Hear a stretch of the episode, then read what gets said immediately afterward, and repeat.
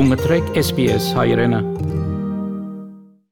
Ողջույն հարգելի ունկնդիրներ, անցաչափաթը Հայաստանում, Արցախում եւ Սփյուռքում։ Թուրքիան Հայաստանի հետ սահմանները փակ պահելու պատճառ չունի, արտգործնախարարն է հայտարարել։ Թուրքիան որևէ պատճառ չունի սահմանը փակ պահել Հայաստանի ուղղությամբ։ Արտահերտ ընտրություններ չեն լինի, Փաշինյանը պարզաբանում է,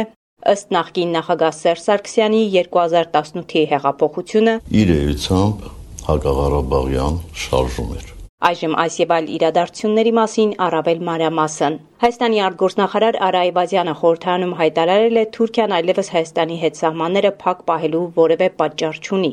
Որ այլևս պատճառ չկա Հայաստանի հանդեպ կիրառել շրջափակումը, ինչպես գիտեք շրջափակումը սահմանների փակվելը պայմանավորված էր Արցախում տեղի ստատուս կվոյի հետ, որը փոխվել է ուժի կիրառման միջոցով եւ այլևս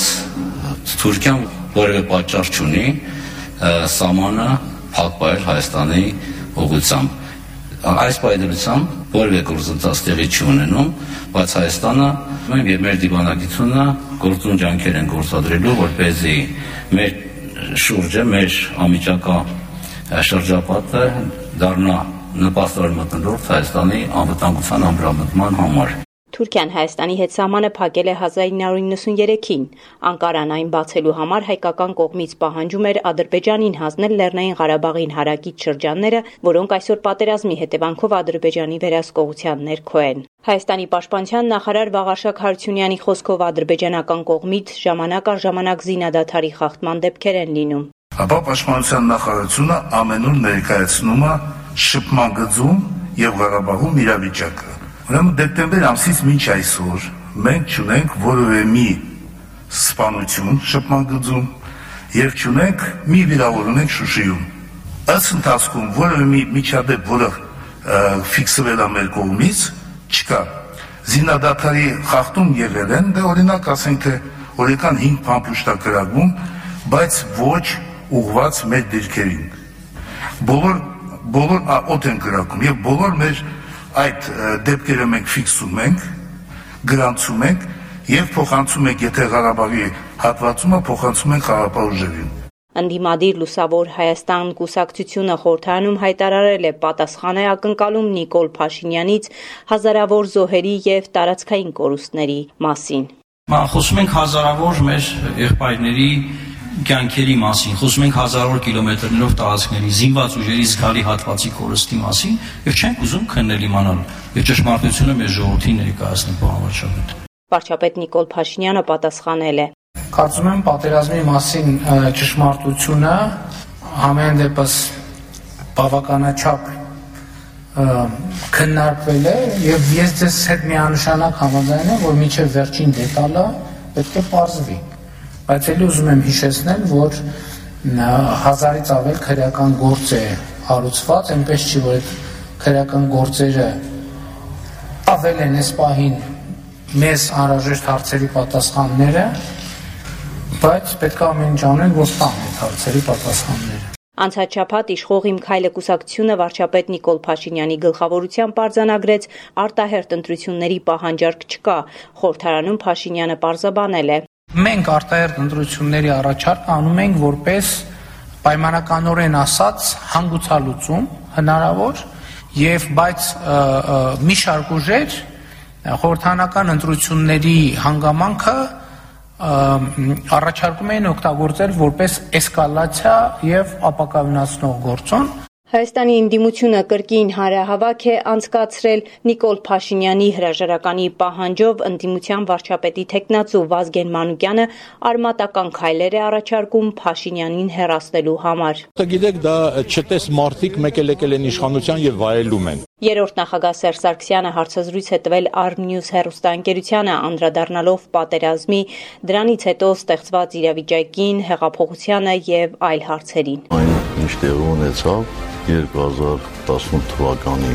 գարնանը իր էությամբ հակաղարաբաղյան շարժում Ըստ Սերժ Սարգսյանի 2018-ի հեղափոխությունը դա հակաղարաբաղյան շարժում էր։ Իմ կարծիքով ուղիղ կապում է։ Այսինքն այն, ինչ տեղի ունեցավ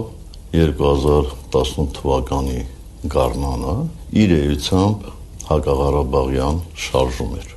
Եվ անկեղծորեն պետք է ասեմ, ոչ միայն հակաղարաբաղյան, այլ նաև Ղարաբաղցիների դեմ։ Այնպիսի մի իրավիճակ ստեղծվեց, որ ես նախընտրեցի անցնցում հեռանալ, քան փորձել բազմաթիվ լուծումներից մեկը առաջարկել հանրությանը։ Իշխանության գործողությունների վերաբերյալ Սերժ Սարգսյանն ասել է. Գիտեք, երբ որ այս խելապակաս իշխանությունները հրաժարվեցին մեր ձերբերումներից եւ սկսեցին, այսպես ասած, Ալիևից տեղեկանալ բանակցային պատմության մասին, արդեն ինձ համար շատ հստակ հասկանալի էր, որ մենք գնում ենք դեպի պարտություն, որ մենք գնում ենք դեպի պատերազմ։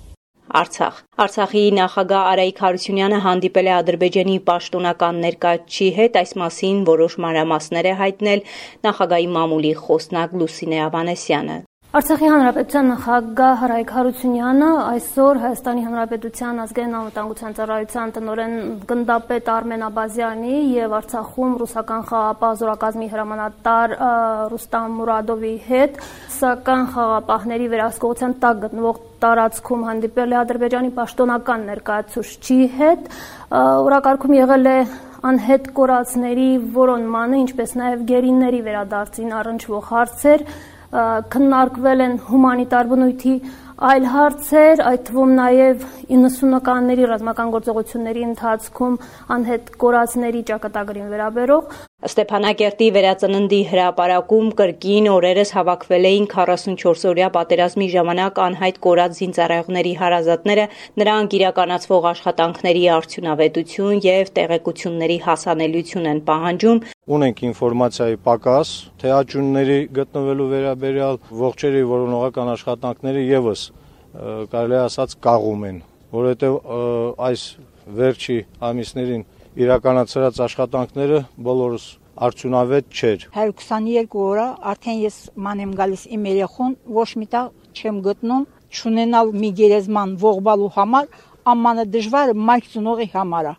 Հասկացեք, խնդրում ենք, միևնույն ժամանակ պահանջում եմ իմ երեխուն տան ինձ։ Պատերազմի հետևանքով ադրբեջանական վերահսկողության անցած մշակութային արժեքների պահպանության եւ վերադարձի առաքելությամբ Արցախում ձևավորվել է մշակութային ժառանգության հանրային խորհուրդ։ Կառույցի ղեկավար Սերգեյ Շավերդյանի խոսքով հիմնական խնդիրն է մեր արժեքը դրված գոնե այս այսօրվա պայմաններում այս պարագային մշակութային ժառանգության պաշտպանությունը այն տարածքներում, որոնք Լեռնային Ղարաբաղի Հանրապետության վերահսկողության դուրս են մնացել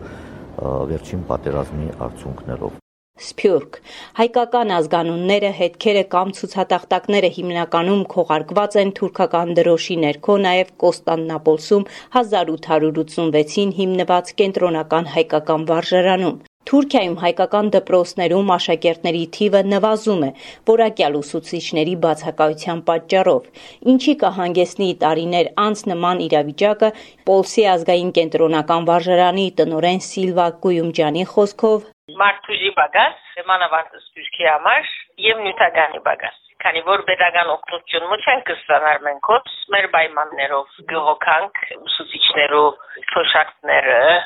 դպրոցներու ծախսը եւ այլն եւ այլն Այս զողություն է։ Ուղղակի, այո, վարժարան փակսպահելը զողություն է եւ իսկապես մեծ չանքով թե ուսուցիչները, դնորենները, ամեն ոք խնամակալությունները գաշխատին եւ փակսպահելու գճանան Բայց հիմա սայալ չմորնանք, որ ասկե 50 տարիներ առաջ գտնաբադի գտբրոց կար։ Հիմա 16 որ գտնեմ 70-ական թվականներում 32 վարշարան կար, այսօր կա 16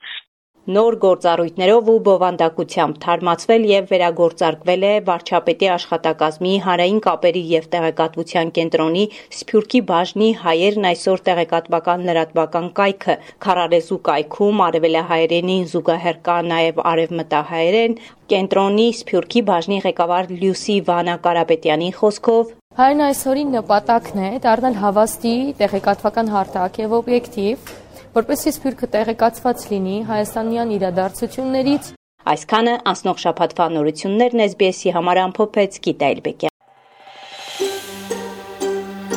Կուզես լսել նման բանություններ, կընտրե Apple Podcast-ի, Google Podcast-ի, Spotify-ի վրա, կամ որտեղեն որ podcast-ը դուք լսես։